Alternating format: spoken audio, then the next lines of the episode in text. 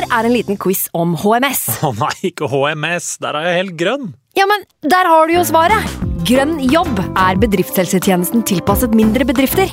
Våre HMS-eksperter hjelper mer enn 8000 bedrifter over hele Norge med alt fra lovpålagte HMS-krav til pålegg fra Arbeidstilsynet. Få på plass bedriftshelsetjeneste på grønnjobb.no. Hallo? Jeg kommer fra Oslo politikammer. Ine Jansen er purk. Er du purk? The motherfucking bitch. Alt jeg vil, er å finne ut hva som skjedde med mannen min. Jon Carew. Er jeg sikta for noe? Iben Akeli. Det er du. Ole So, Lars Berrum og Big Daddy Karsten. Hvem sin side er du på, egentlig? Anette Hoff, Tone Danielsen, Kommer du fra Afrika? Jørnis Josef, Nesten. Kløfta. Trond Espen Seim, Det er synd å si det, men det var feil mann som døde. Purk. Premiere tirsdag på TV2 Play. I can't believe it. Football, bloody hell. And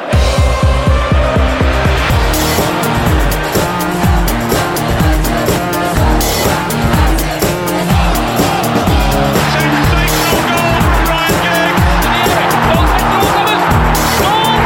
goes in the score. Wayne Rudy out the pitch roll! Was when I was in Manchester. Sheringham.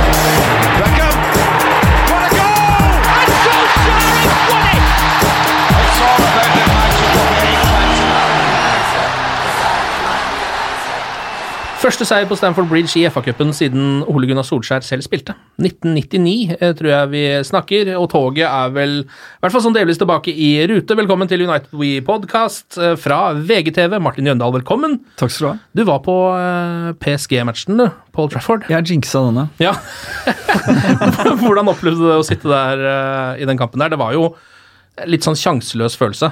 Ja, altså vi, har, vi skapte jo ikke mye i den matchen. Det Nei. gjorde vi ikke. Uh, men eh, det var jo ganske jevn. Det var ikke noe mye sjanser den ene eller den andre veien de første, den første timen. Og så driter vi oss ut på en corneren, og da, da er på en måte Jeg føler ikke at det er så mange som tror på at United skal komme tilbake fra det, når de skårer det første målet. Hvordan opplevde folk på tribunene? det? Var de liksom litt sånn sjokkert over at ikke United var bedre i den kampen? Altså jeg tenkte, når jeg var på puben før kampen, så var det liksom Jeg fikk en litt sånn snikende følelse av at her er alle litt for optimistiske. Altså kombinasjonen av elleve matcher uten tap og at eh, PSG hadde to av dine beste spillerne ute, var litt sånn Kanskje litt sånn fake eh, confidence. Ja. Uh, og at det ble en liten Ja, Ole Gunnar sa det, reality check uh, i forhold til hvor eh, United er.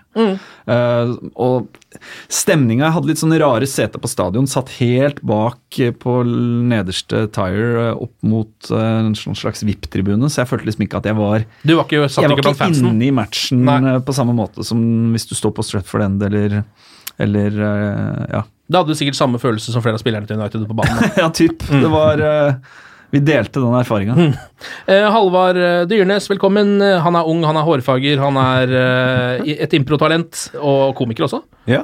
Eh, og ekstremt glad i både FM og Fifa. eh, og United-supporter. Ja. Er du ikke egentlig litt for ung til å være United-supporter? Altså, Hva er det du så som var så bra da du Mois. Det var Mois. Ja, det var Mois. Det er eh, den deilig, Det var et par deilige tversoverpasninger under van Gaal der, og da var jeg solgt. Ja, Det var noen crosspasninger fra Daily Blind, og man tenkte at nå sitter det. Ja, ja, når Daily Blind spilte den ballen tilbake til De Gea, Ja. nesten inn i egen mål, og United kontra inn, Ja.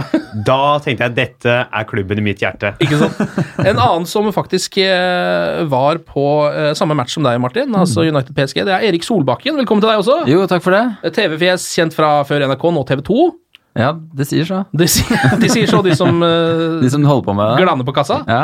Uh, er, altså Jeg har liksom inntrykk av at du nesten er litt United-curious om dagen. Du er jo egentlig Aston Villa-mann. ja, det er jo Det må jeg bare si til alle Villa-fans som hører på den podkasten her. Uh, Det er mange. ty- ja, det er to- to-tre, tror jeg. Ja.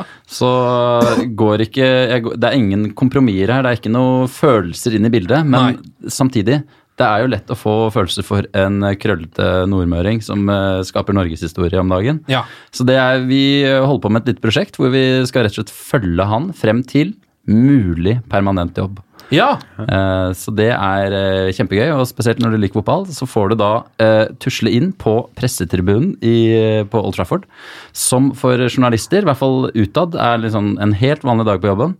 Men for oss, eh, Jørgen, min fotografvenn og meg, som tusler ut der eh, og får altså stå på de beste på den beste delen. Uh, og da jeg, jeg stått på Stratford den en gang og var redd, fordi de skjønte at jeg ikke var United-supporter.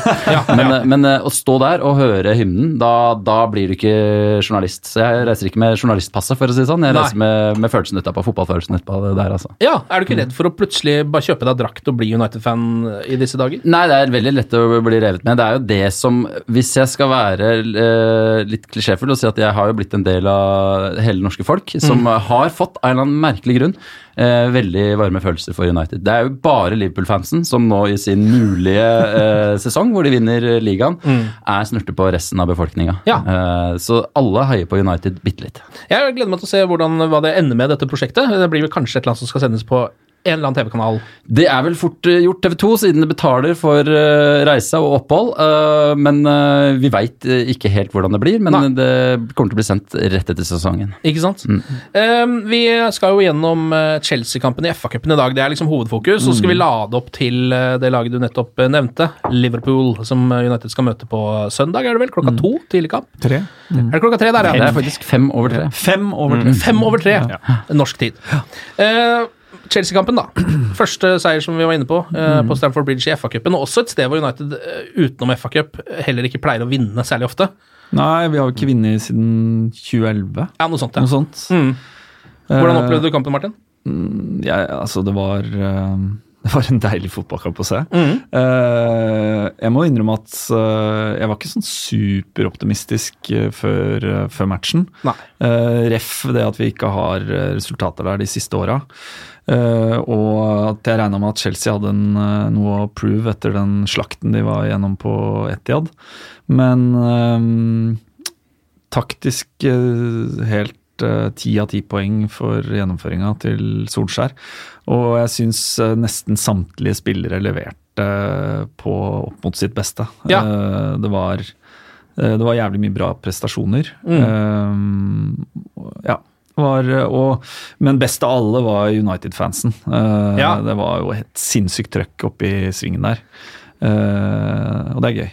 Ja, det var helt rått, faktisk. De sang jo gjennom hele matchen. Ja, ja. Eh, og det er jo Det er nesten litt sånn ekstra rørende. De sitter jo og synger Solskjær-sanger, liksom.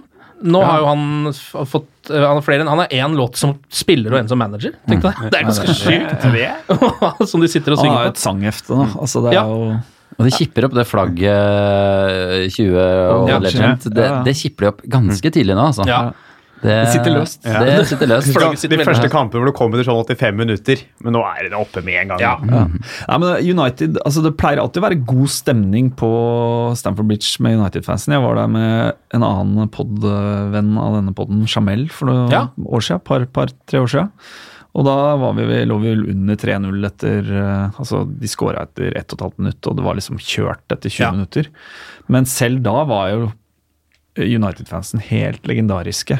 Og selv Conte gikk jo ut etter kampen og sa liksom hva skjer med hjemmesupporterne. Ja. Eh, men eh, det er next level det de driver med nå, og FA-cupen, vi får flere, flere billetter. eh, hadde hele svingen. Det var, det var vanvittig gøy å se. er jo kjent for bortefansen sin, Manchester United. Det er jo Mm. de som pleier å tråkke til. Eh, og nå så jeg også at Zlatan var jo også ute nå og nevnte at United-fansen det var noe egne greier. Mm. Eh, så det er jo deilig å vite det. Eh, Halvard, hva tenker du om liksom sånn Nå er jo Chelsea har vært i jæskla dårlig form, rett og slett. Var det liksom de som har kollapsa, eller var United veldig gode i den kampen? Jeg tenker jo så mot slutten av kampen så var det nok det at Chelsea hadde kollapsa. For de hadde jo ingenting å komme med, og de har jo ikke noen sluttspurt. Nei. Og de kommer inn med en liten frekk Zappacosta når Ja. de skal begynne å presse der. Ja, fem la- minutter før slutt, Ja. bare- Da lar vi Oliver Giroud, VM-vinner, han sitter på benken, men Zappacosta skal nok få slått et par druser opp og tygge inn der. Det skjedde jo ikke. Nei, nei, nei. nei. Men ellers så var jeg, jeg synes det var deilig at- vi fikk til den med å ha Lukaku og Rashford i laget. Mm. Funka veldig bra med Mata lå i midten der som en slags falsk nier man kaller det. Ja, det er vel det. En godt bruke uttrykket. Jeg vet ikke hva det betyr, men eh, Falsk nier er jo ja. en tier, så jeg skjønner ikke hvorfor man ikke bare kaller det det. Men, ja, en, en tier uten spiss foran seg. Ja, ja. Og med funka veldig bra med Lukaku og Rashford der. Mm. Og syns jeg var utrolig godt å se. Og så var det, som altså, det var Alle leverte. ja. Det var ikke sånn som vi har hatt liksom, en kan være god, men så plutselig har Mater spilt en feilpasning, eller så Mm. har Pogba vært dårlig unntatt den ene gangen hvor han trer Rashford igjennom. Altså, det var veldig godt kollektiv arbeid, også i Forsvaret.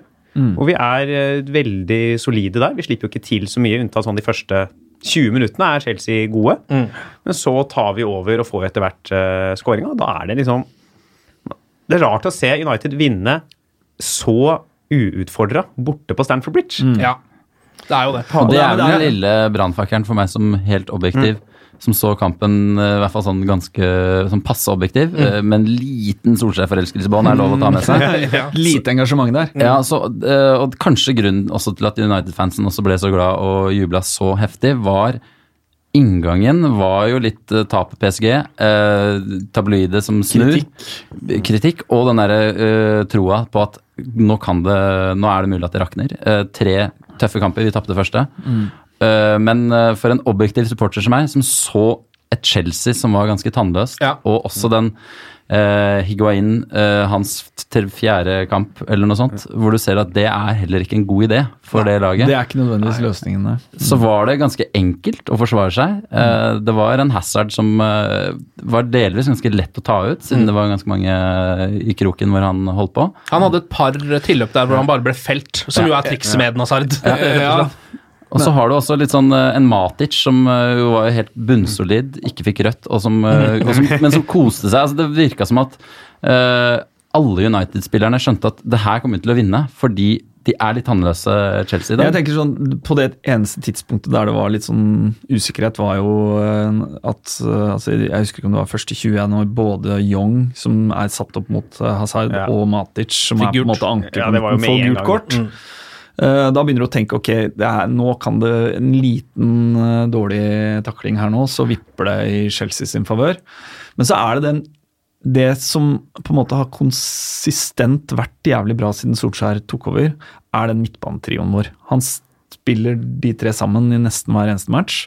Uh, og det virker som rollefordelinga mellom Herrera, Matic og Pogba er liksom, begynner å nærme seg helt optimalt. Ja. De forstår hverandre. og Eh, og jeg syns alle tre var, eh, var eh, veldig veldig gode mot Chelsea. Og, og to av de var banens klart to beste spillere, i Pogba og Herrera. Eh, så, men det å få satt den midtbanen uh, For meg er det liksom et mysterium at ikke Mourinho fant ut av det. Men eh, Ja, fordi drit han i det prøvde- nå. Ja, ja, ja. Eh, Drit i det Men han nå. prøvde jo den Altså, kombinasjonen flere ganger uten at det gikk. Ja, da. men eh, De får jo alle tre, ikke bare Pogba, gjøre det de er gode på. Det er jo også liksom Herrera får jo den litt sånn bikkjerolla ja, på midten der. De spiller på sine styrker, liksom, og Maters dirigerer og på en måte posisjonerer seg riktig i Ja. midten. Kanskje En av store forskjellene man kan se på United og Chelsea i den kampen, er jo at Chelsea spiller med verdens beste defensive midtbane som indreløper.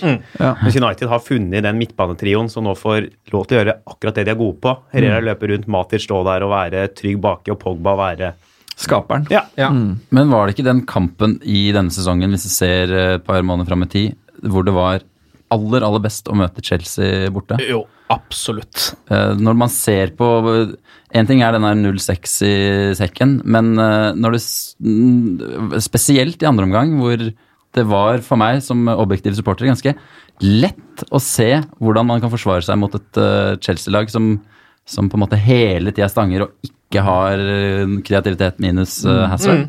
Så, så, så var det en veldig Det var veldig greit å se de sto rakrygga der i 45. Altså, det, var ikke noe, det var ikke noe spennende. Nei, men, Nei. det er, men det er, umulig, det er liksom um, litt umulig å vite hva var på en måte taktikk fra Solskjær, og på en måte hvordan spilte United de dårlige, eller var de bare dårlige? elendige? Altså, jeg tror nok uh, Chelsea er ikke på det nivået de var for et par måneder siden, uh, men de er heller ikke så dårlige som eh, Altså, de er ikke et midtable mid-table Premier League-lag, liksom. De, de har mye gode spillere. og Uh, nå skal de vel møte City til helga. Det tror jeg de Det- kommer til, der kommer de til å få ryke hardt. Men, eh, men de er fortsatt i contention om en Champions League-plass. Jeg tror det er for tidlig å avskrive de som en mulig kandidat til å utfordre mot eh, fjerdeplassen på alle mulige måter. Det kan fortsatt skje. Men en veldig deilig seier, fordi det på en måte plasserer United igjen oppe blant liksom, eh, topplagene i Premier League, i det minste. da. Ja, ja. Nå har vi jo sett at veien opp i Europa kanskje er litt lengre enn man skulle håpe og trodde at den var. Eh, men nå ligger jo da, hvis man skal se på kvaliteten til United, det er et sted mellom Chelsea og PSG. Så god er- er og, United. det, det, og det får vi litt svar på nå mot Liverpool. da. Ja. Eh, fordi det er ingen tvil om at eh, Liverpool og, og City har på en måte lagt lista i Premier League. Mm. Eh, og Liverpool var vel De slo PSG hjemme og tapte borte. Mm. Og eh, det er mulig at vi, vi har slått Tottenham, vi har slått Chelsea, vi har slått Arsenal. Men hvordan vi vil klare oss mot Liverpool og City nå. Mot Liverpool og City. Mm. Det er jo spørsmålet. Det er jo tydelig hakk opp der. Så Liverpool i går mot Bayern. Ja. Og de er jo helt på høyde der. Ja, ja. De burde jo egentlig ha vunnet kampen. Masse store sjanser som Mané brenner. Ja. De er jo De er gode. angrep der som er ekstremt godt. Ja. Uh, burde Matic vært utvist, eller? Han uh, får det tidlig gult, og så har han vel en tre-fire sånne Ja, men det er, det er to ganske det er, det er i tilfelle to ganske weak uh, gule kort. Jeg vet Ja. faen hva som står i dommermanualen, men er det ikke sånn at hvis du har et par sånne slengere, eh, så får du gult kort på den første, så får du kanskje en advarsel andre gang, Mm. og så skjer det en gang til, så er det ut. Ja. Det er jo ikke en grisestygg takling, liksom. Nei. Det er ikke en takling som blir gult kort hver gang du ser det. Nei, men det, er, nei, det var vel mer det at det var en nesten sånn kopi av det han fikk gult på. Jo, men, Som også var var billig, litt men da billig, må da. det være litt sånn skjønn. Ja. To billige gule kort, et rødt, det ville vært jævlig strengt. Men det var Ja. litt gøy å se akkurat i den kampen, for det er en sånn dynamikk mellom uh, hoveddommer og spillerne. For du merka at han fikk den beskjeden etter øh, den siste slengeren. Mm. At nå er det Neste gang. nå, Neste gang så får du rødt. Og da ser man det at øh, gode spillere med kontroll, som Matic har, Klarer mm. seg. han klarer å hente seg. Ja, da, Jeg tror vi er mer livredde, vi som sitter og ser på det. Ja. Eh, fordi hvis jeg hadde vært Altså hvis jeg hadde spilt hadde med det laget på Fifa, så hadde jeg bytta han ut med en gang. Ja, ja, ja. Vært- Få han ut. Altså, han ut. Jeg tenkte på det hele andre gangen. vandrende rødkort. Jo, Ja. men på Fifa er det jo deg som sitter på kontrollen, Ja. så du kjenner deg selv godt nok til å vite at du Jeg har ingen impulskontroll. hadde det vært Phil Jones som hadde fått den beskjeden, Ja, så hadde det kanskje vært greit å bytte, men Matic er jo en gammel ringrev, da. ja Altså, altså, det, det er ganske fan. Det er, jeg synes det, til Tilbake til den midtbanediskusjonen, for det er jo det alle lag sliter jo med midtbane. Nå skal jeg ikke trekke inn Villa, men det er said. Men, men eh, det at Matic på en måte er så treig, men god, Ja. at Pogba er så uforutsigbar og kjempeoffensiv sterk, men en Herrera som er sånn Du så det ved et par anledninger de gangene hvor Smalling uh, tusla litt fram og prøvde å yppe seg litt, hvor god han er på de løpa bak og demme opp. Uh, det er ganske det er ganske nøkkelen til eh, Uniteds suksess den våren her, for den er ganske tight, den trioen der, altså. Og han, han Altså, det er vel eh, Hazard som har den ene sjansen i andre omgang, som går via Herrera over til corner. ja, stemmer. Den går jo fort i mål, den, hvis ikke Herrera får et bein på den. Ja. Så han scorer rett og muligens redder rett.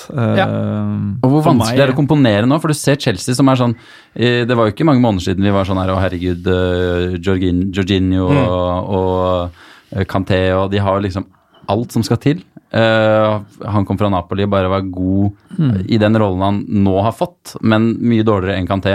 Og de bare loker litt, og Kanté blir en sånn bikkje som eh, ikke er eh, best på det han gjør akkurat nå. Så det å komponere den uh, Ja. midtbane... Og så er det litt sånn, han, altså Sarri virker jo som en jævlig kul trener, og og altså det jeg har lest om han og det han fikk til i Napoli og sånt, men han virker også som en ganske sånn sta fyr. Ja, han gjør jo han aldri noe plan B, liksom.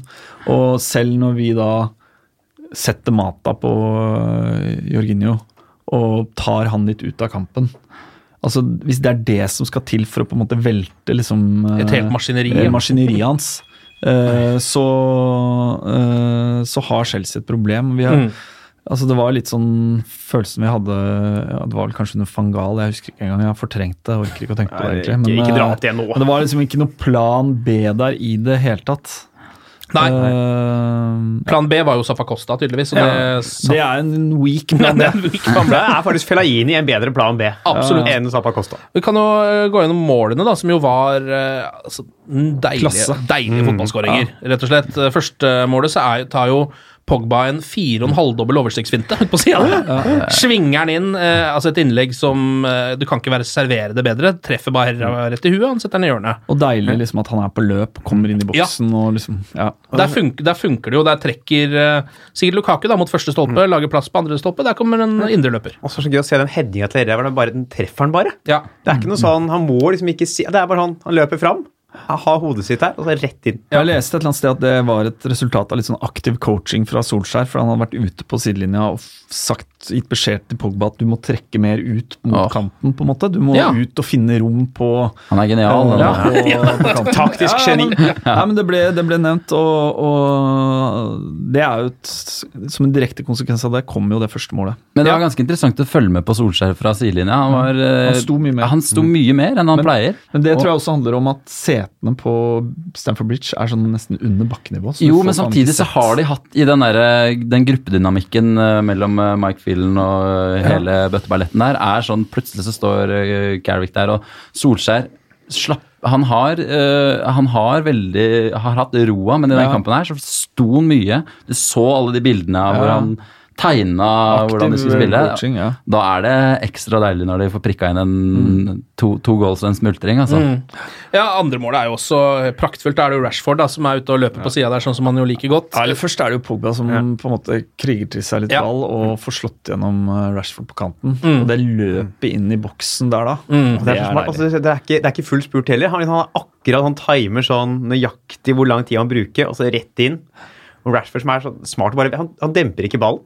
Han trenger ikke gjøre noe. Han, det er jo første touchen han slår innlegget Ja, ja. på. Pogba bare vekter alt perfekt her. Og så så venter han et halvt sekund Ja. før han eh, slår inn. Altså, Ja, Knallhardt Ja, men innlegg, før Pogba stuper inn. Ja, men jeg, jeg føler sist vi skåra sånn mål, var Ronaldo hadde et par sånne. Ja. Sånn der han kommer liksom, omtrent tar sats på 16-meteren og Ja. header fra 11-meteren. Og også bort, sånn om- bort mot Roma og Champions League-finalen Ja. hadde han en sånn Det er noen sånne mål som du ser på en måte Eller som man tror ikke det blir mål når man ser det på TV, for han er utafor skjermen. Og så plutselig bare kommer han rett inn der. og- Der må det være stille litt kritisk til Chelsea sine forsvarsspillere, da, som rygger, står med fireren på femmeteren der og lar 90 kilo muskler Paul Ja. Pogba satse 10 meter. Men mm. han er jo smart, da, som klarer å ta ut det rommet. Så det er jo Men så er jo innlegget så hardt å prikke. Ja, det det. det. Altså, hvis du ser den reprisa, så er det bare sånn derre uh, Du har to forsvarskjemper som hopper det de kan, uh, og så er det den lille luka hvor eh, Pogba tar fart. Ja. Og det er kun den derre presisjonen fra Rashford som, Ja, ja, som jo er Altså Og viljen til Pogba.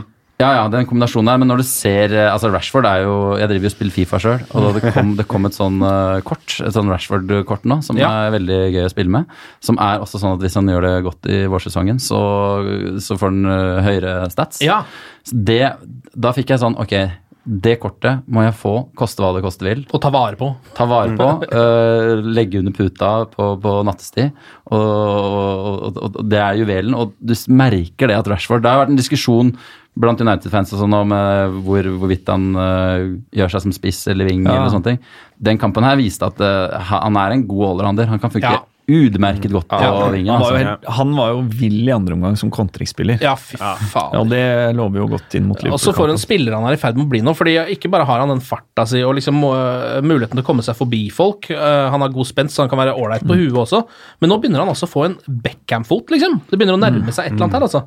Eh, han kommer til å bli livsfarlig om to år. Men, Nei, for så vidt eh, allerede. Ja, han, er, ja, han er jo i nærheten der allerede, men, Ja. men det er på en måte Mbapp har på en måte satt, lagt lista der, da. Ja. For uh, det er det Rashford må måle seg mot, liksom. Mm. Det var gøy å sitte og se Gary Southgate sitte og sikle på tribunen.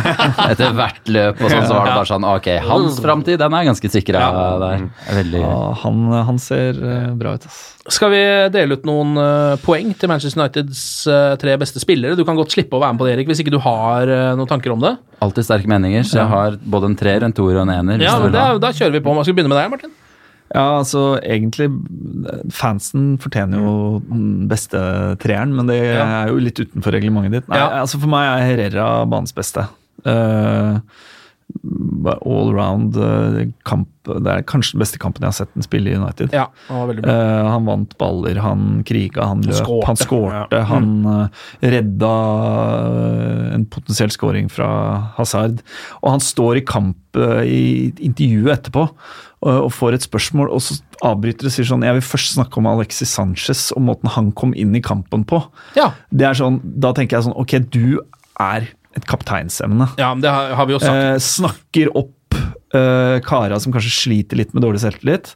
Fordi han veit at ok, vi kommer til å trenge Alexis Sanchez i form Mm. eh, gjennom den våren her. Eh, så for meg soleklar treer til eh, Herrera. Eh, like tydelig to poeng til Pogba. Eh, ja. assist og scoring som Ja, vanlig. den er grei, den. Klasse. Litt eh, Ikke så mye med i matchen i starten, egentlig, men kommer og, og gjør en jobb og er på en måte et fysisk monster og som kan holde på ballen og, og, og ta av press når vi ligger litt bak i andre omgang. Eh, det siste poenget er på en måte kunne nesten hvilken som helst spiller minus Lukaku fått, egentlig. Eh, som jeg syns var bra, men den dårligste. Ja, Eh, Litt usynlig. så, men enten Smalling eller Lindløf, som gjør et som kanskje er vårt beste Som jeg tror er beste stoppepar nå. Ja. Uh, men jeg får gi et Smalling har jo en kjempematch, faktisk. ja, jeg gir ett poeng til Rashford bare pga. noen av de løpa han tar i andre omgang når han uh, jakter på det tredje målet. Ja. Ja, det... Uh, med ren vilje. Halvor? Ja, jeg har jo, det er jo Herrera på topp, da. Mm. Det er, jeg hadde jo det sto mellom han og Pogba, men så nevnte du det, jeg glemte den der blokkeringa han hadde uti der, som jo Mm. er, sender jo han opp dit. Pogba på andre, fordi han er han er så god om dagen! Det er så gøy å se på. Pogba spille fotball! Ja. Fra å sitte her i sånn førjulstid og være sånn Ja, vi må vel selge han i januar, da. Ja. Vi sånn, starta han ja. ikke bort mot Liverpool, liksom. Nei. Nei. Og nå er han Altså, de tallene Ja. Siden de er helt sjuke tall. Han er jo Europas beste midtbanespiller nå, da. Det er, altså, det, det er, jeg tror nesten han har scora mer Jeg tror jeg kan si verdens. Jeg tror ikke Ja. det er noen bedre midtbanespillere i Sør-Amerika eller Nei, Asia. det er sant. det. Det er sant. Nei, ja, det er liksom skåra mer mål omtrent enn han har gjort i hele United-perioden fra Solskjær kom inn. Altså, Ja. Det er så deilig å se hvor Paul Pogba spiller fotball. Og så eh, ett poeng jeg har lyst til å gi til eh, Smalling. Ja. Som løper rundt der, blitt veganer, fått rastafletter og cruiser rundt. Har hackis i lomma? Ja. Jeg vet ikke. Hadde et par sånne headinger der hvor du så at det var litt for mye tofu i nakken, men uh, han kommer seg litt slapp der et par ganger. Han var grei med en liten B12-sprøyte, men eh, Må- Han må slutte å holde folk i trøya. Ja. Kan bare Ja, han reiv jo i Han stykker en trøye, han. stykker en drøye, og det, det var jo ikke straffe det greiene i andre omgang, men han har jo tak i trøya der. Det er Ja. bare så jævlig dumt hvis, uh, hvis en eller annen sånn var-tulling sitter Ja. på sidelinja der og Ja. bestemmer seg for å melde seg på i kampen. kunne vært Mike Dean for et par år siden. Da han, var det ikke da han skulle Jo. blåse på alt av holding. Hadde jo stelt seg i den der yogaposituren sin og blåst rett mot straffemerket. Den dumme Mike Dean. Hva med deg, Erik? Hvem eh, Nei, jeg, jeg er enig med Herrera på tre. Jeg syns den er ganske solklar. Han var eh, I 90 minutter så var, var han helt uh, fantastisk. Også en sånn fet type. Jeg så også det intervjuet etterpå og tenkte sånn Det har faktisk litt å si hvor, når du har spilt så bra, hvor fet du er rett på. Og Ja. det at den trekker fram innbytterne og, og Sanchez og sånn. Det, det, er- det er klasse. Og en annen liten bare fun fact med Herrera, som jeg så nå i stad, det var at eh, han er jo ikke noen sånn sosiale medietype som eh, mater på sånn som Pogba og Eller, Manser Mata, og- som dere tar eh, sånn landskapsbilder og sånn. Ja, men Herrera uh, fyrte opp instaen sin eh, i stad med bilder fra en video fra bortetribunen av bortefansen som synger Ole ole Ander Herrera. Ja, Uh, og bare syns det var noe av det fetteste han hadde opplevd. At uh, han har fått sin egen sang. Da måtte til og med han legge det ut på Instagram. Ja, lagt, lagt ut som egen post. Så han, uh, han har den connection med supporterne og skjønner betydningen av det. Og det Og så er har jo ingenting å si for de tre poengene. Jo, men altså, synes jeg også det er gøy med spillere som du ser ikke har en enorm fysikk, men som på banen så bare viser Ja. en kjempefysikk. Det Ja. fascinerer meg hver gang. Jeg er litt enig. Han er sånn type som kan klare å dytte bort en kjøttkake av en spiller på 90 kilo av en eller annen grunn, med den bitte lille spede kroppen sin. Det er Han er jo United-supporter.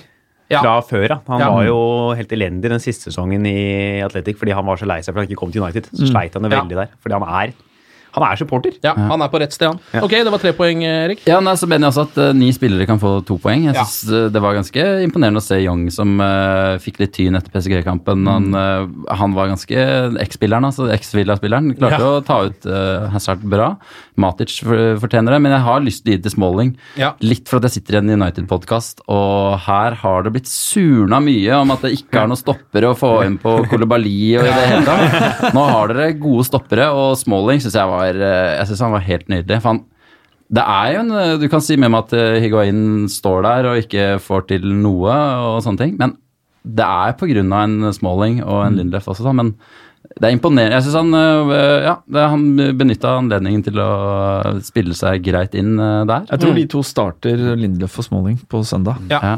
Så jeg gir han to poeng, og så øh, kommer det ikke utenom uh, mannen som uh, jeg fikk gleden av å se på Anfield. Da satt jeg ikke så langt unna uh, nei, benken.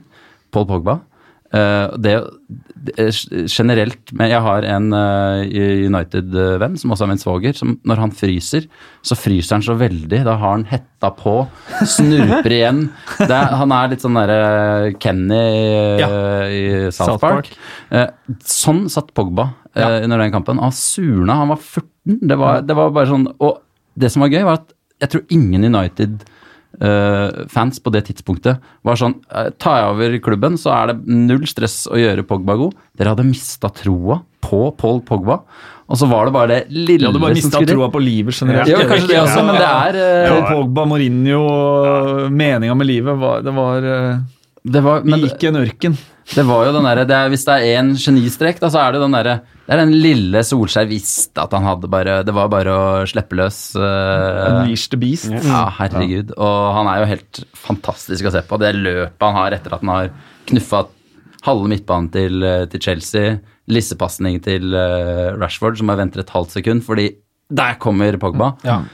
Det er, eh, burde fått ti poeng for den, men det får ett. Og ja, jeg får ett, ja. Og så er det jo også litt deilig med Pogba at han er um, Altså Han er en mann som skaper liksom litt mer enn fotball Også, Sånn som det, etter det målet der hvor han blir liggende på matta og feire mens Lukaku ligger ved siden av. er et Ikonisk bilde fra bak målet til, på Stamford Bridge. Det er så deilig å Ja, se. det ligger og diver. Eh, Hva tror dere nå om eh, sjansene til Ole Gunnar Solskjær til å få denne jobben? Det føler jeg vi må ta en eh, revurdering på nå. Nå har han, eh, Vi var litt nede etter PSG-etappet. Da var han liksom Eller sånn i hvert fall i en halv uke som delvis litt sånn avskrevet. Ja Nei. Ja Har du ikke den følelsen? Eller i hvert fall ikke, det var liksom ikke Det var, det var Jeg føler i hvert fall at det var en liten stopp på de der han har allerede fått jobben-sakene. Ja, det var det liksom mediamessig og sånt. Ja. Og så fikk han kritikk for første gang. Eh, om det var fortjent eller ikke, det er det kan man sikkert mene mye om. Eh, jeg tror den PSG-kampen på en måte viste bare litt av forskjeller på kanskje spillemateriale, Ja. mer enn nødvendigvis at det var voldsomt eh, At det handlet om taktiske disposisjoner. Fordi 1-0-målet kommer på en dødball, og da mister på en måte spillerne litt uh, etter det. Men uansett Men Martin altså- Rendal, vi uh, kjenner hverandre, var i samme by, Mm. og etter PSG-kampen så hadde vi avtalt å møtes. Jeg fikk ikke kontakt med deg, for du ble, var så skuffa at du la Ja, deg. jeg gikk hjem og la meg. Ja, det, er, det det, skjønner jeg. skuffelsen. eh, den, eh, den, var, eh, den var stor. Men var det ikke altså, For det lurer jeg på. Eh, nå har jeg da eh, hatt som jobb å følge United i et par uker. Og eh, for meg så har det vært veldig svart-hvitt den siste uka. Fra, en ting er journalister og britiske journalister som slåss om å lever jo av å beskrive verden i svart-hvitt. Men det var noe med den eh, enorme skuffelsen. Eh, for vi stilte jo det spørsmålet til United-fansen eh, på veien. Eh, hvem blir permanent manager? Og spurte om har det noe å si om han vinner eller taper i dag. Det har ikke noe å si, vi vil ha Solskjær, men vi vinner jo i dag. etterpå, ja. Vi vinner jo i dag. Ja. Så det, men, men uansett, så er det er det samme. Og min opplevelse var at det var en, et veldig vakuum før den Chelsea-kampen her nå, hvor eh, 98% av United-fansen var sånn Shit, det var kanskje ikke en god idé. Jeg så i hvert fall Det begynte å komme noen sånne SoMe-saker som var sånn Pochettino er jo en bedre manager enn Ole Gunnar Solskjær. Skjønner du? Det var my eller sånn Skepsisen begynte å Så er det komme, jo da. veldig sånn følelsesutråd, da. Det var Ja, jo er den skuffelsen Ja. som uh, Martin snakker om. Alle følte på den til PSG-kampen. Mm. Jeg var jo satt med en kompis og så den på pub. Jeg, akkurat- det var så Vi greide ikke snakke sammen etterpå. Nei. Jeg måtte bare altså, måtte inn og sånn eh, inn på Twitter etterpå. Jeg måtte bare avfølge alle som skrev om fotball. For Jeg orka ikke få fotballsaker i Twitter-feeden min. Jeg måtte Nei. bare få noe Ja, og det er jo fordi ting har bygd seg opp. Ja. Liksom, og alt på en måte var bygd opp til eh, at nå skal vi på fest. Eh, og så avlyser PSG Så var det noen som hadde glemt å kjøpe drikke. Så Ja. det var jævlig skuffende. Ja. Eh, Men, men sånn i forhold til den beslutningen om hvorvidt han eh, får den jobben eller ikke, det, det tror jeg den PSG-kampen har veldig lite med det å gjøre. Og jeg tror altså styret og Woodward og Glaciers og de gutta der, de har jo ganske god tid på seg. Ja. Eh, Men jeg tror sånn aksjemessig så står Solskjær jævlig høyt i kurs. Og så tror jeg, sånn rent kynisk, så tror jeg det er et moment som ikke har vært så mye diskutert. I hvert fall har ikke jeg sett så mye om det i pressen og sånt noe, men men det er det faktum at Ole Gunnar Solskjær kommer til å være en veldig mye billigere løsning for Glaciers enn det Porcetino eh, Mm. potensielt vil være. Eh, Men er det man- noen United har nok av, så er det for så vidt spenn, da. jo, jo, men hvis du, du må kjøpe ut en manager eh, og sannsynligvis kanskje gi han en eh, betydelig mye høyere lønn, Ja. Og du gjør det mot majoriteten av supporternes vilje, og mot det er, Du har på en måte ingen eh, Det er ikke noe eksakt vitenskap i forhold til eh, om det vil eh, funke bedre eller dårligere.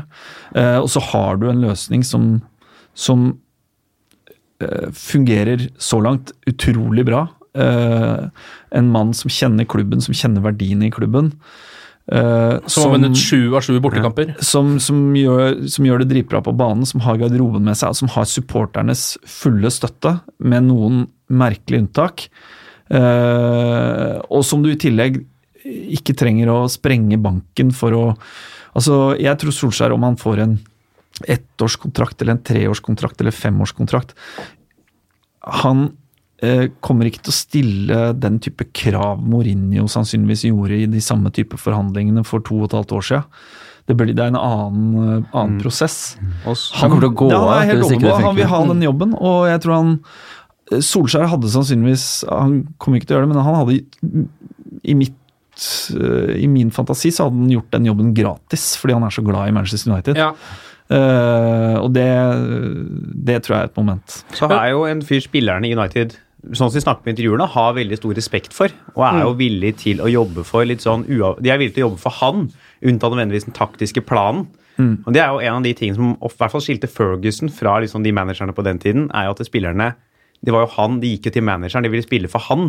De ville ikke liksom spille fordi denne varianten av 4-3-3 er så jævla god, sånn som det er med Sarri. Der spiller de jo de Nå gjør jo ikke spillerne det for han. Også sånn som det ikke var med Mourinho. Det var de, her har vi liksom en manager som han man vil ofre seg for han, og ikke liksom uavhengig av det er 4-4-2 eller hva slags system det er. Det er manageren de har tiltro i. Ja.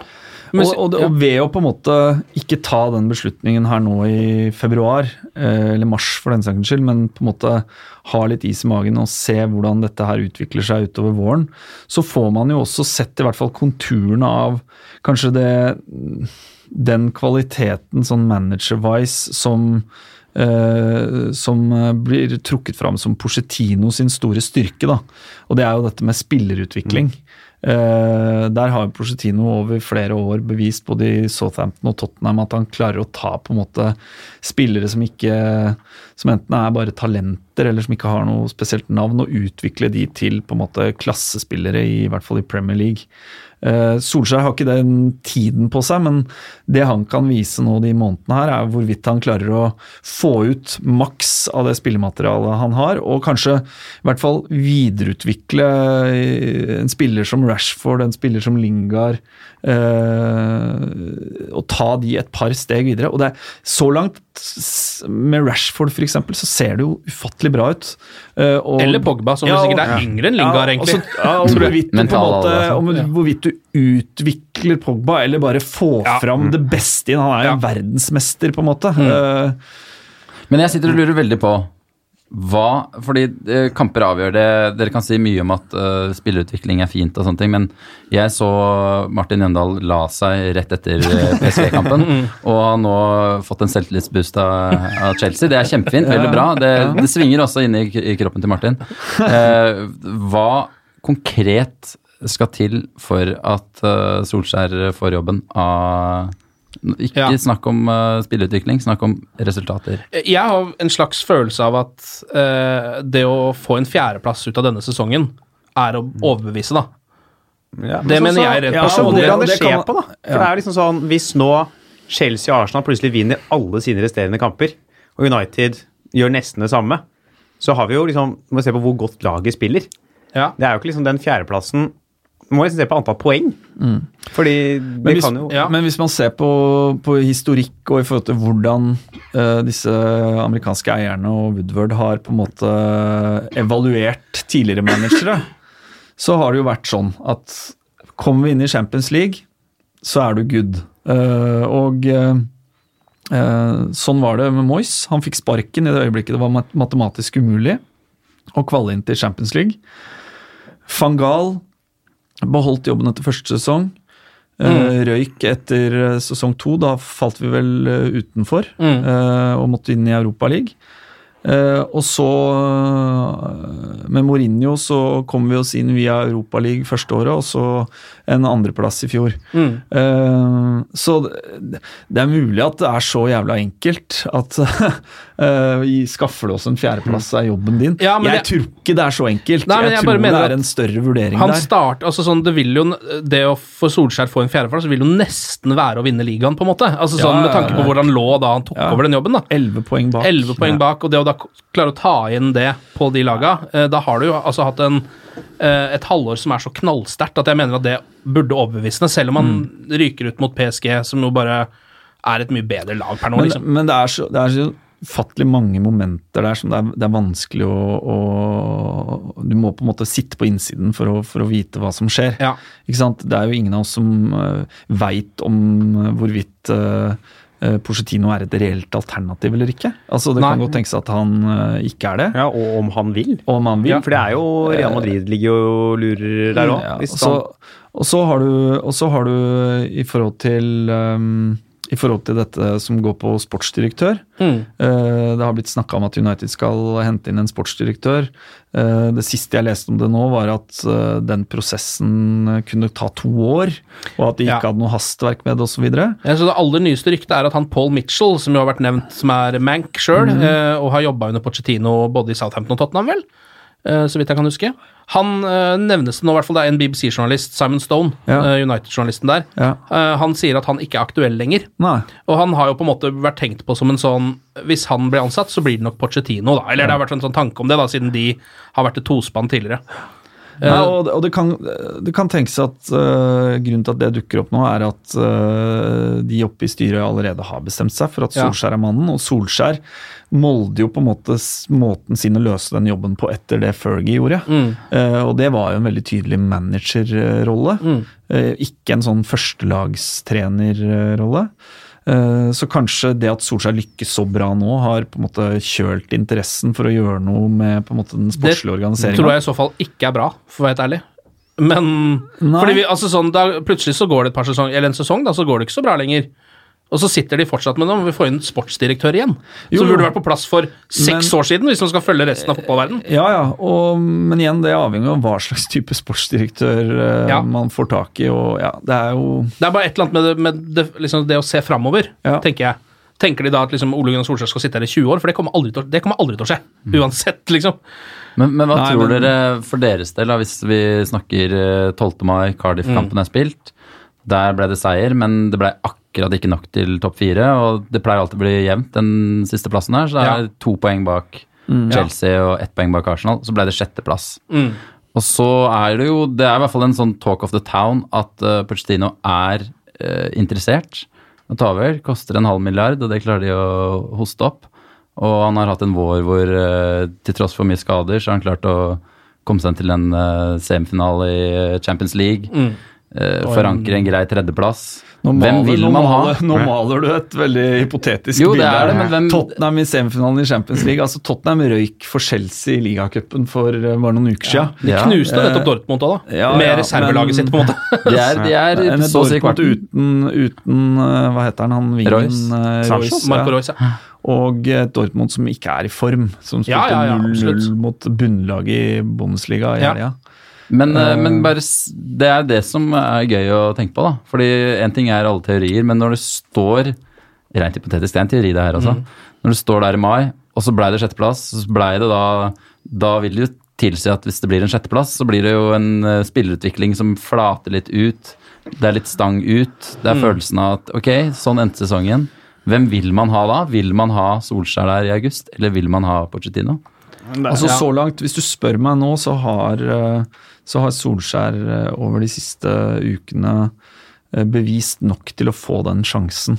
Ja. Til å bli backa ordentlig i et transfervindu og få, en, eh, få en kontrakt og få muligheten til å på en måte ta det laget og uh, videreutvikle det laget i, eh, med teamet sitt, med Mike Phelan, med Michael Carrick. Uh, og han siste som jeg ikke husker navnet på nå. Nei, ingen som husker han. Ki- Er Kieran McKenna? Ja, ikke sant, kunne, kunne. Altså, Men- Antonio Bandera som Men, er som men det, jeg vil bare understreke det at det sier jeg ikke fordi det er Solskjær, fordi han er norsk. Altså Hvis det var Michael Carrick som hadde fått den jobben eh, som eh, caretaker manager og levert de resultatene han har gjort de siste ukene, så hadde jeg backa han tilsvarende. Ja.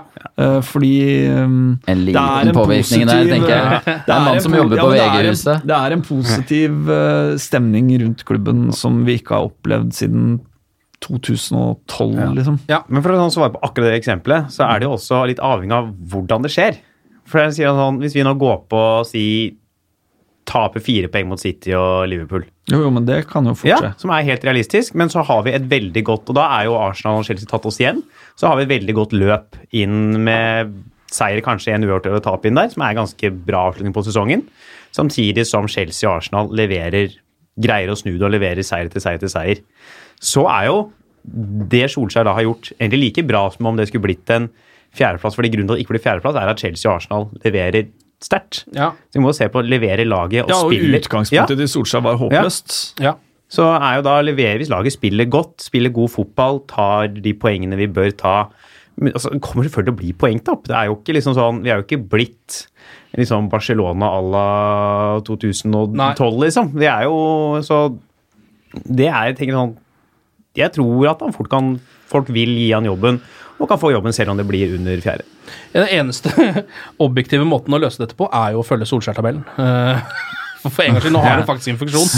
Gå inn på Solskjær-tabellen. Hvis han leder den ved slutten av sesongen, bare gi han jobben. Det er Den har jo. VG tatt patent på, den eh, tabellen der. Det er så mye penger i Solskjær-tabellen at eh, eh, Ok, men skal vi ta bare en kjapp uh, votering? Rent sånn Nå spår vi bare. Ja. Uh, er det Ole Gunnar Solskjær som får jobben etter sesongen, Martin? Ja, og jeg tror han får jobben før juni. Altså, han får den eh, Ved sesongslutt? Nei, jeg tror han f- kan fort bli bekrefta før det. Ja. Halvard, hva tror du? Ja, jeg tror han får jobben. Ja. Bare, mitt største mareritt han skal få, måte han får jobben på, er at uh, Woodward går for Pochettino. Får han ikke, og henter Solskjær likevel. Oh. Det er jeg livredd for å skal skje. ja, Ja, så jævla uh, Det er uproft, ja, Så knotete kan han jo ikke være. Han har jo vist seg å være en knotete fyr, men uh, Ja, Woodward, da. ja, Ja. Nei, jeg tror han får jobben. Erik, hva tror du? Eh, om jeg tror Solskjær eh, leder Molde mot Ranheim eh, 13.6, eller eh, et, etter hans ferie, der svarer jeg nei. Eh, men jeg, jeg håper mest, jeg. Ja, du jeg, jeg er helt ærlig og bare sier at jeg håper så han får eh, den jobben. Det hadde vært så gøy. Ja, Det hadde jo vært utrolig gøy. Det er jo en uh, Og det hadde ikke vært så gøy hvis det var Carrick. Nei. Det er, det er noe i den Og det er jo litt med altså jeg Men det skjønner jeg jo for deg som Villa-fan. Du hadde jo gitt fullstendig faen i Michael Carrick. Vi holdt jo på å få Solskjær i sin tid. Han fløy jo, men Ja, han fløy han ble gjetta over 17. mai, så det var veldig greit. Men det var noe uh, spesielt å sitte i Jeg har jo aldri sittet i en sånn pressekonferanse etter, så det var kanskje litt derfor det var spesielt, siden det var min første opplevelse. Sitte med uh, ganske sånn muggsure britiske journalister som eh, samme dag på morgenen eller dagen før hadde skrevet 'Vi vet mest om uh, hvor sikker Solskjær er'. Så satt de og typa inn 'Dette var testen', og nå blir det ikke Solskjær. Ja. Eh, og det når Solskjær kommer inn i rommet, så det er en spesiell aura rundt Ole Gunnar Solskjær. Han får snakka britiske journalister eh, opp også. De Ja, han er har en positiv, blid og karismatisk fyr. i Ja. aller høyeste grad. Så det er derfor jeg tror det er Det finnes nesten ikke en brite, eh, minus eh, Liverpool-sportere kanskje, som håper at Solskjær blir manager. Det er det som jeg syns er litt unikt med det her også. Og det er litt Ja. Av Solskjær. At det er den At de er redde for det, liksom? Nei, altså jeg tror bare det er hele den derre Det er så lett å kjenne på den derre supersubben som var så lojal mot klubben, som kommer tilbake. De savner Ferguson etter masse ræl.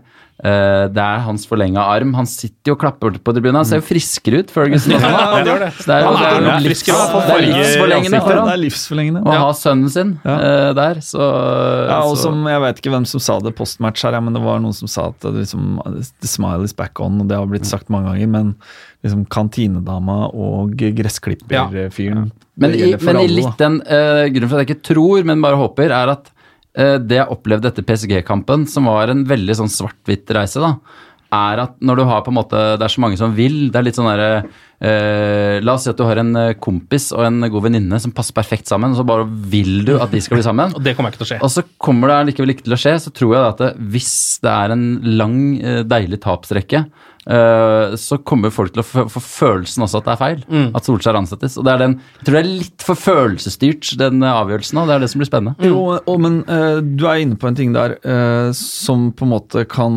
eh, Når man ser dette, den sesongen, ser tilbake på den sesongen, så kan man kanskje peke på den Chelsea-kampen som eh, en av de viktigste matchene. Og det er jo fordi det man ikke har fått svar på ref. Solskjær de første tolv kampene, det er hva skjer når vi taper den første matchen. Og det snakka jo Ole Gunnar om allerede etter to-tre kamper eller sånt noe. At han så altså han, Jeg vet ikke helt hvordan, hva, han, hva slags formulering han brukte, men jeg ser frem til, eller det blir interessant å se når vi taper en match. For det var jo Det har han lært av Ferguson. Altså, man kommer til å tape fotballkamper. eh, og da handler det om hvordan reagerer man når man taper en fotballkamp. Hvordan er det øh, mentale styrken til denne Mm. fotballklubben er skrudd sammen for å bounce tilbake og slå tilbake etter et tap? Og det fikk vi bevist nå på mandag. Og det var et ekstremt godt tegn. Og sånn sett øh, så tror jeg Solskjær er nærmere den jobben øh, etter Chelsea-kampen. Ikke fordi han vant den kampen, hvis, den, hvis det hadde vært liksom den 11.-12. seieren på rad. Det, det betydde mer at han vant den etter den skuffelsen mot PSG. Ja, For da beviste han også at eh, jeg er i stand til å liksom løfte den gjengen her etter et bittert tap. eh, motivere de inn uh, mot en, en viktig kamp og slå tilbake. Og så møtte han Chelsea på aller best tidspunkt. Det er Jo, lett å tenke jo- også på skøyteløperen som vant OL-gull. Du kan ikke blame? Solskjær, Nei, kan ikke blame det. Liksom. men man går inn i noen måneder nå hvor plutselig så er det et nedrykksspøkelse på ti lag. Eh, Det er eh, momentum som snur. Du veit jo aldri. Jeg bare har lyst til å Ja, Jeg merker og- en veldig selvsikkerhet på at nå blir Solskjær eh, Nei, men, men ikke sant? nå til helga så spiller vi for United-fansen kanskje den viktigste matchen denne våren. Eh, litt, Vi kan jo fortsatt nå en FA Cup-finale og sånt noe, men Men det har jo vært deilig å stoppe Liverpool fra å vinne ligaen. Man kommer jo til å se tilbake på den kampen om vi vinner etter sesongen. Så, og vil vi jo se tilbake hvis Liverpool ikke vinner ligaen. Det er jo den tøffeste tilbake. matchen de har igjen, på en måte, da. Så Ja. det er liksom nå det er på en måte Hvis noe skal stoppe de, så er det United Paul Trafford. Hvis ikke så tror jeg ikke det er noe som klarer å stoppe det laget. Hvis han vinner den kampen, kommer dere til å sitte her om en uke og si Gi den mannen en jobb. Gi den mannen en jobb. Hvor- For hvis, hvis jeg blander inn litt følelser her, så er det jo uh, et oppgjør hvor kanskje det er aller mest følelser på spill. Og, Mourinho fikk jo sparken direkte etter Liverpool. Ja. Fordi han ikke bare tapte, men fordi det var flaut å se på det han drev med utpå der. Eller ikke det han drev med, men det han hadde fått spillerne til å holde på med. Så sånn sett så tror jeg eh, at det faktisk er mer følelsesstyrt enn man kanskje tror òg. Akkurat det der, og de kampene har faktisk mer å si da enn eh, et tap mot Brighton, på en måte. Ja, altså, Se United stå og sluntre mot Liverpool. Er jo helt Ja. sånn Hvis ikke det betyr noe engang. Ja, da er Altså, hva, bare ja, hva det. skal bety noe da? da? Ja. Uh, la oss uh, gå litt videre. Det United trakk jo Wolverhampton uh, i kvartfinalen. Eh, borte, selvfølgelig. Nå har, altså, de trekningene trekningene de har hatt i FA-cupen, det har vært eh, Vi, sp- vi spiller jo bra borte. Ja, det, nå er jo United sju av sju borte under Solskjær. Så, eh, det er ikke så dumt, kanskje det, men Wolves gode hjemme, da. Det kan bli en vanskelig match. Nå har de jo på en måte trakt de først Arsenal borte, så Chelsea borte, og så Wolves borte. Mens eh, City har eh, trukket Newport og Burton, og nå husker jeg ikke helt hva det var nå. Ja, men, vi eh, har jo, Gått fram til uh, ja, de har bare valsa fram vi har jo til tradisjonelt sett hatt vanskelige FA-cuptrekninger. Husker, Ja. Vi snakka alltid snakka om det tidligere òg, at det har vært mye trukket ganske høy andel Premier League-lag Ja, det er kanskje sant, det. i FA-cupen. I hvert fall under en uh, periode med Ferguson. Ja. Så snakka man om Ja, altså, veldig det var en eller annen som sa det at hver gang vi spiller mot slår ut Reading, så vinner vi Ja. FA-cupen. ja. uh, det har vi gjort i år, så kanskje det er uh, Ja, Det hadde vært deilig med et lite FA-cup-eventyr. Da har vi ikke slått ut. Reading så mye de siste åra, i hvert fall. For det har blitt få FA-cupseier. ja. Ja. Men så kan han stille spørsmålstegn hvor ja, det hadde vært aller verst å møte City, men det er soleklart det nest verste laget å møte. ja. Et Wolverhampton som nå har klart den der trygge plassen er helt sikkert. Eh, det er litt for langt opp til sjetteplass. De ligger på sjuende nå, aktig. De er gode, og de veit at den kampen her blir Det er kveldskamp. viktigste matchen. Mm. Så kommer de til å de, det, er, det er så all in fra Wolverhampton. ja. Så Ja, det blir, det blir en tøff en, men samtidig så er det er jo eh, Jeg vet ikke, jeg har en eller annen følelse av at United nå er såpass gode borte. Det er et bedre lag enn Wolverhampton, sånn i utgangspunktet. Så jeg, har liksom, jeg er ikke veldig redd for den kampen heller, kjenner jeg, da. Kristian Solskjær sa jo når vi trakk Arsenal, at det er dette han vil. Han vil jo ha Ja. de tøffe kampene for å kunne vise hva som bor i det laget, hva Ja. som er mulig. Og du må jo uansett slå ut de lagene på vei til uh, Ja, han, han sendte vel mer enn stikk du, Guardiola. og Det var sånn, Vi har tydeligvis eh, den, the tough Ja. way her. Ja. eh, Så jeg tror han hadde vært eh, interessert i Cardiff borte. Det tror jeg også. Men det er en, Nei, kul, det er en kul kamp, da. Ja. Wolves borte. Ja, det er det. Uh, Og det kan sikre en semifinale, så det ligger mye Ja. i den potten der. Uh, og så kan vi ta med oss uh, Jeg synes det var litt gøy. Det var Ed Arons en fyr som jeg vet ikke hvem det er, men han har skrevet på Twitter etter United mot Chelsea. Eh, så var det et mix-on-intervju med Rom Lukaku, hvor telefonen hans ringte. Mora hans ringte han, uh, visstnok, midt i intervjuet. Og ringetonen til Rommel Romelu Lukaku Big Papa av Notorious B.I.G. er ikke det deilig? I love it when you call me Big Papa. Det er helt nydelig. Vi kan ta med oss en eh, melding fra Facebook også, Henning, som skriver her. Jeg har en påstand om at Luke Shaw har vært Uniteds beste gjennom denne sesongen. Han har ingen svake kamper, eventuelt svært få, og prestert, prestert jevnt gjennom hver kamp. Under både Mourinho og Ole, Gunnar Solskjær. Da. Så sier han at når han diskuterer det med kompiser, så er de totalt uenige. Så hvem mener dere har vært Uniteds beste, er det han spør. det, men det, Hvis man ser på sesongen under ett, så kan jeg jo skjønne at man lander på Luke Shaw. Jeg synes Det er ikke den drøyeste Nei, påstanden jeg har hørt. fordi han var jo en av de få som faktisk leverte under Mourinho. Mm. eh, ja, som på- heva seg Ja. og liksom kom, uh, kom liksom, og ikke liksom var kom tilbake. Han hadde Så- en legendarisk eh, den ene ja, halvsjansen til Chelsea, hvor det var vel Pedro som var nærme å, å putte, hvor han Ja, stuper inn, ja. tupper han inn uh, foran Romero der. Det, Ja. altså, det var jo helt fantastisk. Men det blir jo litt sånn, hvis du eh, står i mai og fortsatt tviholder på Luke Shaw, og Pogba har fått eh, sine 17 ja. skåringer og ja, ja. 23 assist. Men det er jo sikkert bare et eller det, annet med at hvis... det er det som ryker med den teorien, at selv om Paul Pogba satt på benken mm. i de første sesongen. tre månedene, så er fortsatt det han har levert etter at det Solskjær fikk jobben, nok til å eh, basically eh, si at han har vært Uniteds beste spiller eh, Ja, Men så langt i sesongen. man kan si til venstre at det er, drøyt, det er litt drøyt å være helt uenig i det. Og ikke ja, liksom enig i. se Ja. at det er en mulighet. Er Jeg er enig i at det er drøyt å være uenig, Ja. eller helt uenig. ja. Jeg er ikke enig i at han er den beste spilleren, men Det eh, kan hende hvis man sånn matematisk summerer opp da, og har liksom sånn fra 1 til 10 på alle spillerne, for eksempel, så kan det godt hende Luke Shaw har det høyeste snittet. Hvis du skjønner, Fordi Ja. han har spilt såpass godt gjennom store Ja, blant de fem-seks beste. Ja, det er sånn, det er sånn, han har vært ok. Ja. Eh, Det er som vi skulle sagt, vi skulle kåre tidenes beste norske vinterolympier. Og så valgt en eller annen som alltid havna på fjerdeplass, og, ikke- og ikke snakka om Petter Northug. Erling Jevne, Ja. liksom. Ja, Det er, det, er til og med, det er alltid fint i sånne store og små familier å ha noen som taler de minst, minsteguttas sak også. Det er sikkert noen i, på Simonsrand som sier at Dag Bjørndalen er en bedre skiskytter. Er. Ja. Jeg føler litt det med Luke Shaw, men man veit aldri. Eh, ellers så driver vi og venter på at eh, David Hea skal skrive inn en ny kontrakt nå. Eh, det går ganske sakte med det greiene der. Han eh, skal etter rapportene få en kontrakt på 350 000 pund i uka. Vil jo ha godt betalt. Det syns jeg er helt greit. Han er en av de få verdensklassespillerne i stallen. Enig. Eh, har vært Uniteds beste spiller i fire sesonger på rad, nesten. Så bare gi den mannen penga og få bli ferdig med Så det. sånn, Uten han så hadde de depresjonene vi har vært gjennom eh, siden oh, har vært vært uh, enda dypere. Altså Uten å gå for langt, så tror jeg vi hadde vært i hvert fall én mann mindre i dette studio.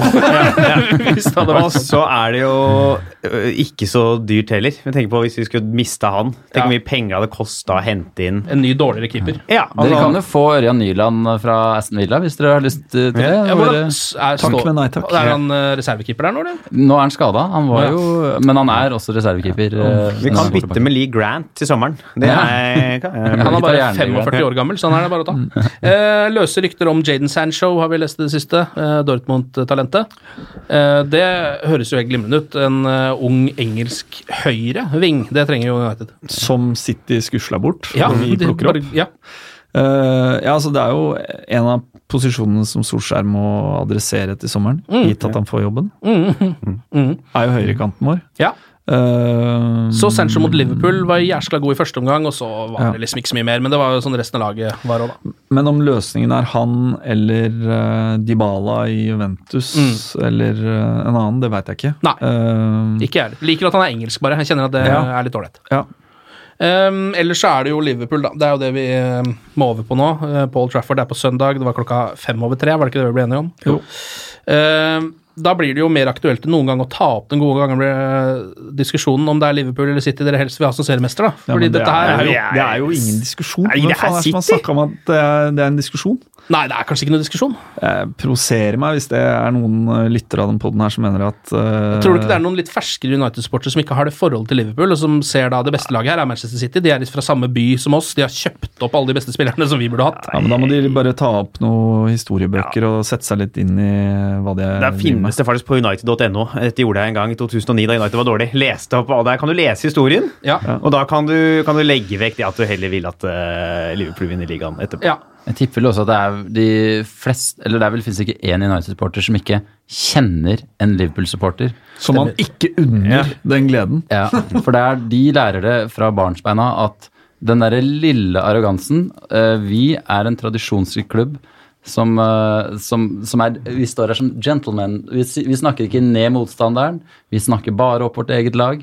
Og vi fortjener det ligagullet. Altså det, du skal, det er ikke én City-fan som irriterer mer enn en Liverpool-fan i det landet. Nei, altså, det der evinnelige maset om er vi vinner neste år.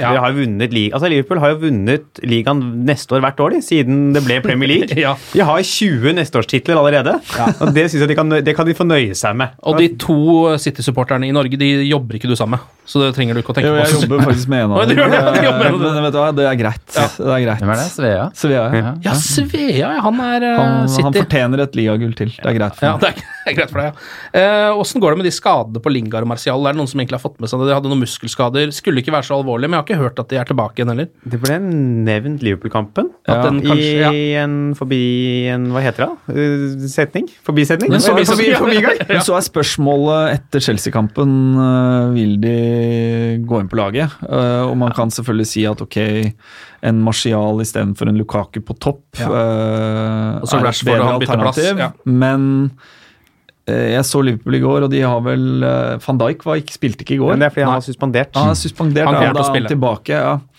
Øh, De har bare skade på Lovren og Joe Gomez, så de kommer sikkert til å Stakkars klubb. Ja. Men det var ganske interessant å følge Liverpool i går. Den, eh, den der nesten-fotballen som de spilte, som hvis hvis ikke klarer å riste av seg den før søndag, så kan det være en deilig kamp for United-fansen. Være dødelig effektive, få de to-tre sjansene de trenger for å vinne 1-0. Mens Liverpool i går det var, det, var, det var som å si at de, de mista det alltid på siste, Ja, de siste passen. De fikk jo et par grat, eller mange gratissjanser òg, hvor eh, Bayern mista ballen rundt 16-meteren. Jeg tror Mané var uh, aleine inne i femmeteren to ganger. Jeg bomma. ja. Ja. Prøvde på noe brasse istedenfor å dempe ballen og skyte og Ja. bare surr. Men jeg tror, jeg tror nok at vi fort spiller uh, den samme setupen som vi hadde bort mot Tottenham og bort mot Chelsea nå. Altså den uh, med Med to vide vinger. Ja, med litt sånn vide spisser Ja. og eh, eh, En falsk nier. En falsk nier. Og så er kanskje Lingard, hvis han er skip, eh, skikkelig form, så har, forflytter han seg raskere og er mer aggressiv i den rollen enn det Mata kan være. Selv om jeg syns Mata var god på mandag. Mm. Eh, men hvorvidt, eh, hvorvidt eh, Martial er et bedre alternativ enn Lukaku i en sånn vid spissrolle Jeg tror vi blir avhengig av å slå litt langt ut i på en måte kanalen mot bak bekkene til Liverpool, fordi de har jævlig offensive bekker. Eh, og For å spille av litt press når Liverpool presser høyt, så tror jeg ikke vi skal drive voldsomt mye med sånn småspill mellom, mellom eh, Smalling Nei, og Lindløf. nei, nei. Bayern drev jo med det i går, Ja. og det så jo liksom Du bare Dette, Ja, det var dette er risiko, liksom. Og De Gea er nok litt dårligere med beina enn uh, Neuer. Ja. men, så, så jeg tror fort at vi kan starte med, med Rashford og, og eh, Lukaku på topp. Så Det er det spørsmål om Lukaku blir for lett å ta for van Dijk. da. Hvis han kan bare legge seg på Ja, der og vinne de Han må jo legge seg ut mot høyre, da, sånn som han Da må han jo å ligge mot Robertsen der Ja. og Men håpet vårt ligger på en måte at midtbanen eh, fortsetter å levere på det nivået de gjør, eh, og at eh, Rashford har dagen. Og kanskje litt Det er denne kampen hvor Luke Shaw kan stikke av med bestemannsprisen. Ja. Fordi det er, det er den største utfordringa hvis du ser Chelsea, som var litt sånn mye mer statisk og higuin-fokuserte. Så var det så er det fra begge sider de kommer inn. Så hvis Mm. Young og Shaw ikke har helt dagen, så kan det jo bli skummelt. det Men jeg tror ikke du ser mye av Uniteds backer offensivt mot Liverpool. Fordi, eh, nettopp fordi du har eh, Mané, Mané og og Salah. Salah, som du må på en måte ha en viss kontroll på. Men som eh, objektiv her, Erik, hvem ser du på som favoritter? Nå er Liverpool på en måte serieleder og har det, og så har du United som har en voldsomt bra streak nå, et lite tap mot PSG riktignok, men også spiller de hjemme. Har eh, ålreit momentum. Hvem tror du vinner kampen? Jeg tror United vinner, øh, og det er litt pga. den skøyteløperen som jeg ser United øh, er også. at de, Man skal ikke si, snakke mye om flaks og sånne ting, men jeg tror også det er det best mulige tidspunktet å møte Liverpool på. Etter to litt sånn Jeg så begge uavgjortkampene i, i Premier League, hvor de står og stanger og, og heldigvis ikke får en øh, overtidsscoring med Origi som var i offside, som hadde vært et ran. De har vært øh, De er De kjenner på en annen øh, nervøsitet, og kampen i går de jobba og sleit, men de klarte ikke å få den skåringa. Så tror jeg det bare er dødelig effektive United som kommer til å avgjøre den kampen. Så det blir spennende. Det er eh, gullord. Det er La Og oss håpe du får rett. Ja. Vi håper du får rett, og at eh, United eh, rett og slett bare stopper hele den uh, seriemesterskapsjaget til Liverpool på Old Trafford på søndag. Takk, uh, Martin, Erik og Halvard, for innsatsen. Vi gjør det. Takk, Takk for det. Ja, takk for det. Glory, glory.